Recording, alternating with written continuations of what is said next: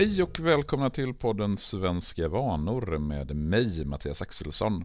Jag gör den här podden eftersom jag har skrivit en bok som heter Tacos tvättstuga och Tack för senast Svenska vanor A till Ö. Den här boken går att beställa via svenskavanor.se och går numera också att låna på en hel del bibliotek runt om i Sverige. Den här eh, podden gör jag en gång i veckan och där pratar jag om lite olika saker som har med svenska vanor och traditioner att göra. Den här veckan tänkte jag prata lite om den svenska ensamheten som är ganska missförstådd. För det finns en föreställning om att svenskar är ensammast i världen, att vi är så oerhört ensamma i Sverige.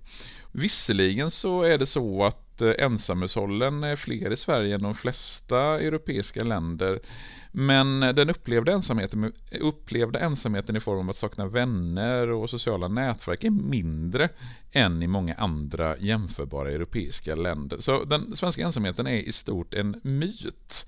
Det som däremot finns bland svenskar det är att vi är väldigt individualistiska. Det finns eh, rätt många ordspråk i Sverige som talar om det här. Vi kan till exempel se det här med ensam är stark, själv är bäste dräng, bra karl reder sig själv och så vidare. Och de ordspråken handlar ju väldigt mycket om just den här svenska självständigheten och individualismen. Och det är egentligen det som är det typiskt svenska, inte att vi är speciellt ensamma av oss.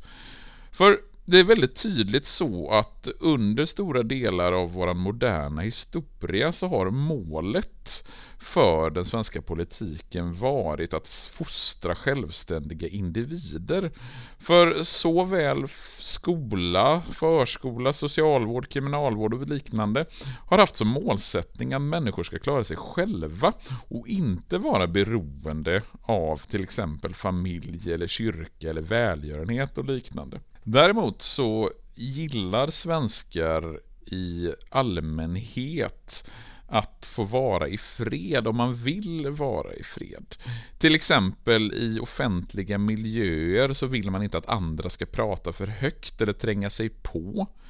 Du ska inte sätta sätta dig bredvid någon om det finns andra platser på kollektivtrafiken. Du kan, ska inte sitta och prata högt eller ha hög musik utan hörlurar, för det kommer störa.